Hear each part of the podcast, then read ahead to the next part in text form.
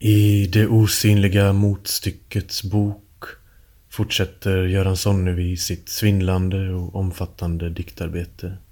Det som vill släppa in så mycket, som gör så mycket och verkar på så många nivåer. Landskap, djur och växter skrivs fram jämte global politik och de ständiga krigen. Mytologi och religion trängs med filosofi och fysik. Destruktionens svallvågor, intigheten men också fullkomligheten, kärleksmötet, närvaron och hoppet. Det fruktansvärda och det är värt att sätta sin tilltro till. Allt vävs in här, snärjs in i vartannat. Läsaren kan inte väja, åtminstone inte för det totala i upplevelsen av Sonnevis verk. Man sköljs med i mångfalden och de många växlingarna, spänningarna. Däremot finns det en rad olika sätt att möta denna poesi inuti den. Att svara mot dess konfliktpunkter och appeller. Jag kämpar med detta, med de löften och låsningar jag upplever där. Formmässigt är Det osynliga motstyckets bok typisk för Sonnevi. Längre, långradiga dikter som påminner om samlade korta anteckningar från vardagen varvas med kortare verser som ibland bara håller ett par, tre ord per rad. Mellan dem skapas en dynamisk skillnad. Den expansiva formen har varit Sonnevis länge men diktsamlingen liknar särskilt de böcker han utkommit med under de sista 15 åren. Oceanen från 2005, Bok utan namn från 2012 och Sekvenser mot Omega från 2017. Boken överlappar med de tidigare samlingarna i tidsdateringar och teman. Omtagningar och återbruk är ett av Sonnevis grepp. Sekvenserna här är både nya och upprepade. De längre dikterna täcker ofta över tio sidor med sina korta meningar och luftiga mellanrum. Det är framförallt här de snabba skiftena mellan olika teman och register blir synliga. Dessa skapar eh, meningsskikt i dikten, överlagrar. Redan tidigt i Allhelgonadag 2016, sekvens mot Omega, framträder världen i sin storlek så som den tar plats i Sonnevis skrivande, så som den kolliderar med sig själv där. Diktjaget tänder ett ljus, citat, för alla själar, levande eller döda, slutcitat. Påve Franciscus firar 500-årsjubileet av reformationen i Lunds domkyrka samtidigt som den irakiska arméns och kurdiska peshmergas offensiv mot Daeshs fästen i och omkring Mosul fortgår. Dikten fortsätter citat. Alla dessa rum närvarande i varandra. Alla dessa språk. Alla dessa klanger skimrande i varandra som ängelsvingar i alla sina färger. Alla goja änglarna i sin terror, i Guds terror, utan räddning. Hör, hör själarnas klang, all deras försoningsharmoni, hjärtskärande. Barnen rör sig i alla dessa, kring det stilla, kring det söndersmulade. Slutcitat. Denna väv av världen sätter mycket på spel. Barnen rör sig alltså där, i spänningarna. De återkommer i samlingen, även som en fågelunge och en orörlig nyfödd kalv. Barnet är löftet, hoppet, men också något som är hotat. Hur räddar vi barnet? frågar Sonnevi. Kanske är det fråga om hur människan ska räddas. För jämte barnet finns också monstret, Donald Trump och citat barnet monstret i sin dubbla potentialitet. Slutcitat. Dikterna skildrar alltså även demokratins söndervittring. Trump och Tayyip Erdogan får imperiets härskartitlar, kejsare och sultan. Detta står också på spel Själarnas öde under fascismens återintåg och terrorns olika former. Efter terrordådet i Charlottesville i augusti 2017 när den amerikanske presidenten inte kunde ta ställning mot högerextremisterna skriver Sonnevi i sekvens över vår 56 bröllopsdag 2017. Citat. Mörkrets hjärta slår. De mörka jättefjärilarna samlas vid Acheron för att dricka av det mörka blodet. Tystnaden från Mosul. Tystnaden från Raqqa. Medan människorna där hela tiden dör. Nu Barcelona, Cambrils, Charlottesville. Dödens röst. Slutcitat. Det politiska sönderfallet det absoluta hatets rörelse ner mot underjorden och dess floder stegras senare i samma dikt och uppgår i den abstrakta fysikens filosofiska begrepp. Det blir mättat. Jag svettas nästan i svindeln. Citat. Hur detta ska sluta vet ingen. Det finns skäl för rädsla. Vad skulle en yttersta obestämbarhet innebära? Superkaos? Eller super-omega? Kontingensernas yttersta dans? Det finns återstående rader. En oändlig mängd transfinita sekvenser. De utgör det mörka paradiset ständigt förlorade i dess mörker. I ionerna utan gräns. Slutcitat. Men så, direkt därefter, viker Sonnevi tillbaka mot en närvaro i dikten.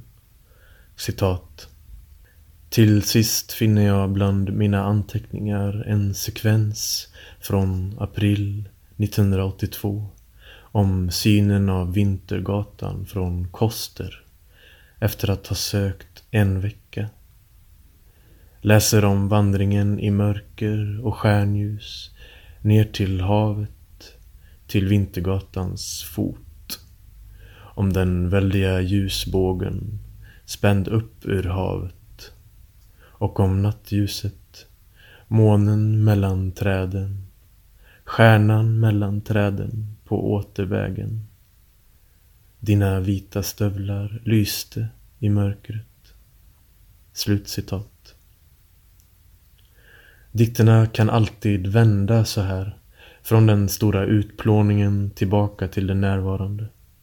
Ofta sker det när minnen och konkreta erfarenheter av kärlek eller död framträder mitt i det politiska och kosmiska kaoset.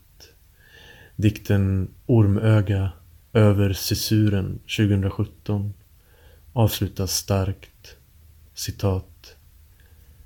Stod ovanpå gravens jord över mammas urna, pappas kista, mormors och morfars kistor.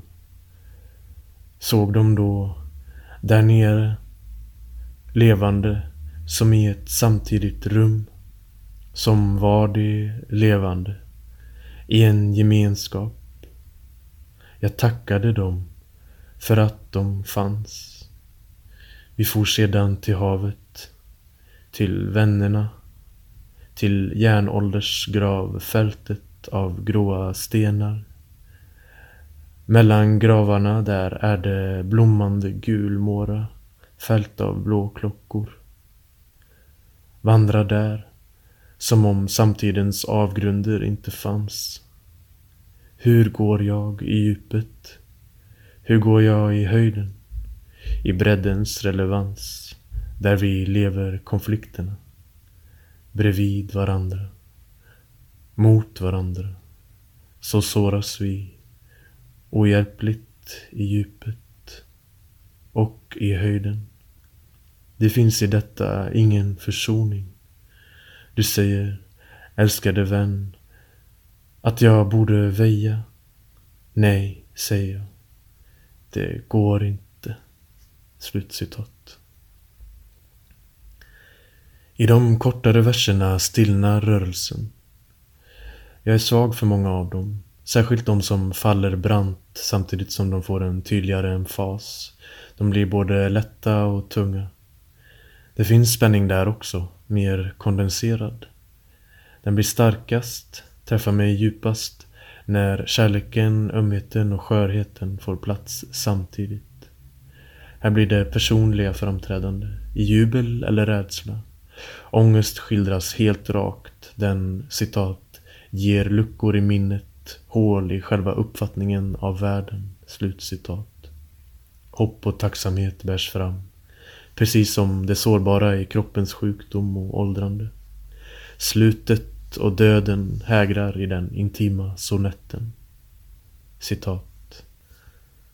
Ska du vara med mig i dödsögonblicket och jag med dig oberoende av vem av oss som är döende. Älskade vän, i din glädje. Jag var med dig i din ångest och du var med mig i min. Så ser du på mig med stora mörka ögon. Hur ska jag se på dig? Ska mitt mörker slå dig? Jag ville inte det. Bara ögonens ljus. Slutcitat. Men ibland finns inget annat än bejakelsen. Citat. Jag strök vårt barn över håret. Såg leendet komma. Det bar allt värde. Slutcitat. På många ställen i samlingen syns och hörs Sonnevis lyssnande arbete där skriften är som en väntan utan för mycket förväntan. I och inför en, citat, tystnadernas kontrapunkt, slutcitat.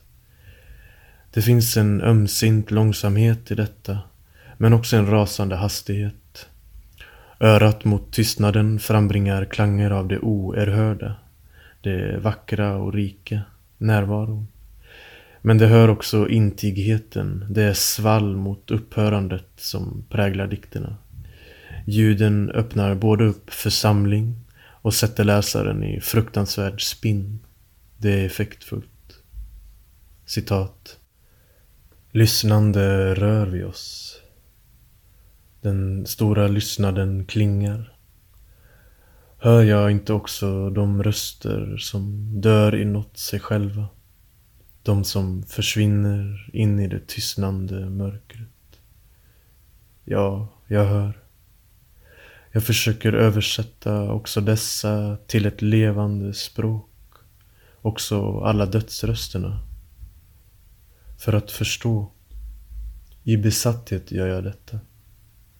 Också från den söker jag befrielse. Hur sker den stora inandningen?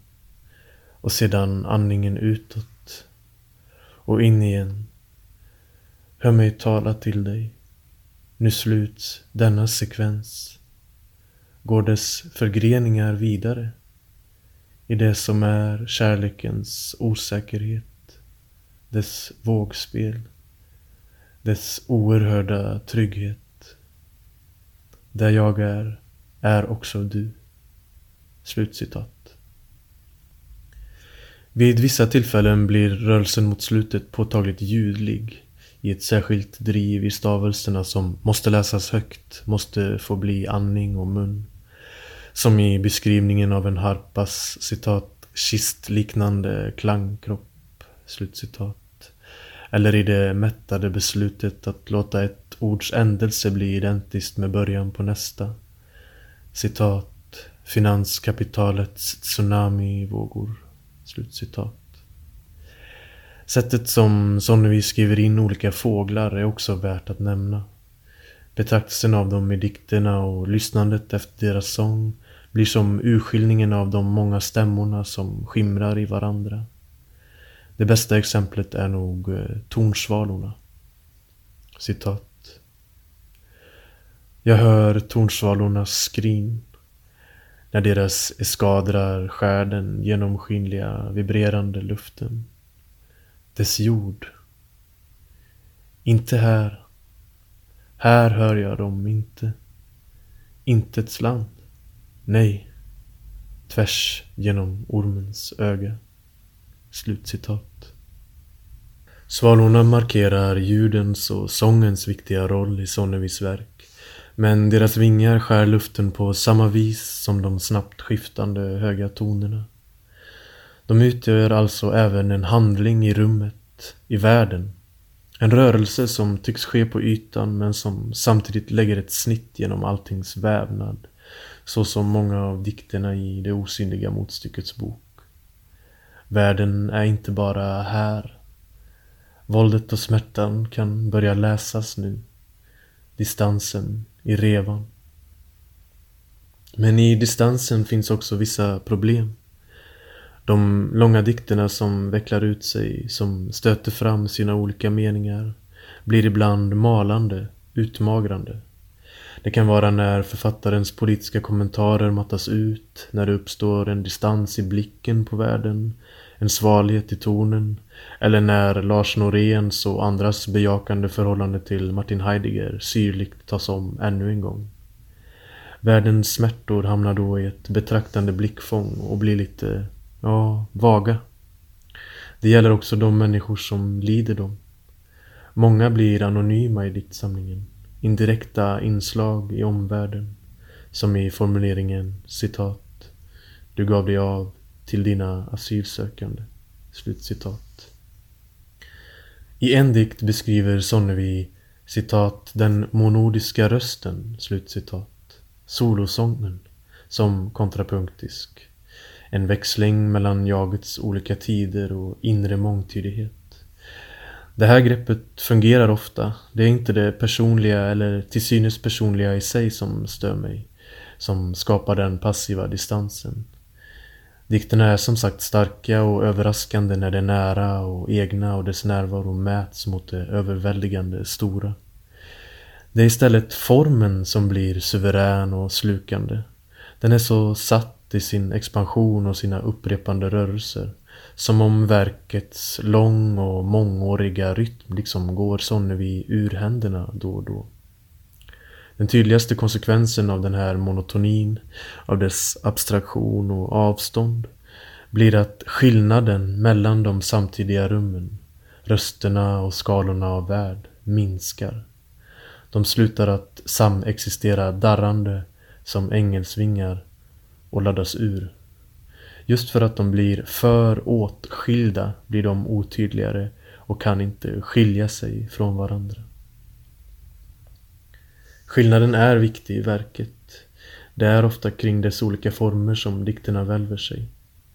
Den blir både upphävd i intet, döden eller närvaron och upprättad på nytt. Ingenting får bli absolut eller med Sonnevi hypostaserat och läsaren dras därmed in i en metafysisk slitning eller dynamik mellan enhet och förändring som återförs till antika filosofer. Bortom metafysiken blir sådan dubbelhet till ett villkor att möta, politiskt och etiskt. Nästan allting är vändbart och äger de många möjligheterna. Även monstren i underjorden är alltid människor. När det här spelet inte fungerar skapar dikterna både för mycket distans och för lite. De tvära rörelserna mellan konflikt och samling, mening och meningslöshet mellan abstraktion och ansvar. Ibland är de så snabba att de knappt är rörelse längre. Som en frekvens för hög för att höras. Det är för mycket totalitet och för stort. Då överskuggas den skillnad eller gräns som är absolut. Den som inte äger någon dialektik. Särskilt inte om man befinner sig på fel sida om den. Det kan vara den ena sidan av en nationsgräns stängslen kring ett fångläger eller bara utkanten av stan. Eller liv och död. Sonnevi befinner sig på flera olika sådana sidor, liksom hans läsare. Det är osäker mark att kliva på. Han hanterar det många gånger varsamt, i den mån det är meningsfullt att försöka vara varsam. Det kan vara genom en kristallkonkret friläggning, den vanligt förekommande frågan eller appellen, uppmaningen. Den definitiva skillnaden syns framförallt i uppskattningen av närvaro, i kärleksstunderna och i den nämnda revan i världen, i de fruktansvärda scenerna från krigets Syrien till exempel. I det senare fallet är avståndet knivskarpt. Skillnaden värnas. Men i dikternas och verkets slagsida mot totalitet och hastighet upphävs den alltså ändå ibland. Jag får inte ana ena sidan tillräckligt länge för att se vilken sida det verkligen är. Det är svindlande, ibland underbart att ge sig i kast med det omöjliga motstyckets bok. Att inbegripas och ta del av kunskapen där. Dela ovissheten. Känna det kränga. Men jag blir också vaksam inför verket och dess vildsinta lyssnande på döden och livets alla klanger. Jag tänker att jag kan följa Sonnevis ansvarstagande och ömsinta öra. Försöka läsa i ansvar. Där det öppnar sig. Läsa verket mot verket. Citat. Musik så nära det oerhörda att jag knappt tror mina öron. Är detta möjligt? Antagligen inte. Var fanns jag då? I danssteget utöver. Över avgrunden. Över punkten nolls berg. Kanske inte det heller. Paradiset är här klingande i leendet som kommer. Slutcitat.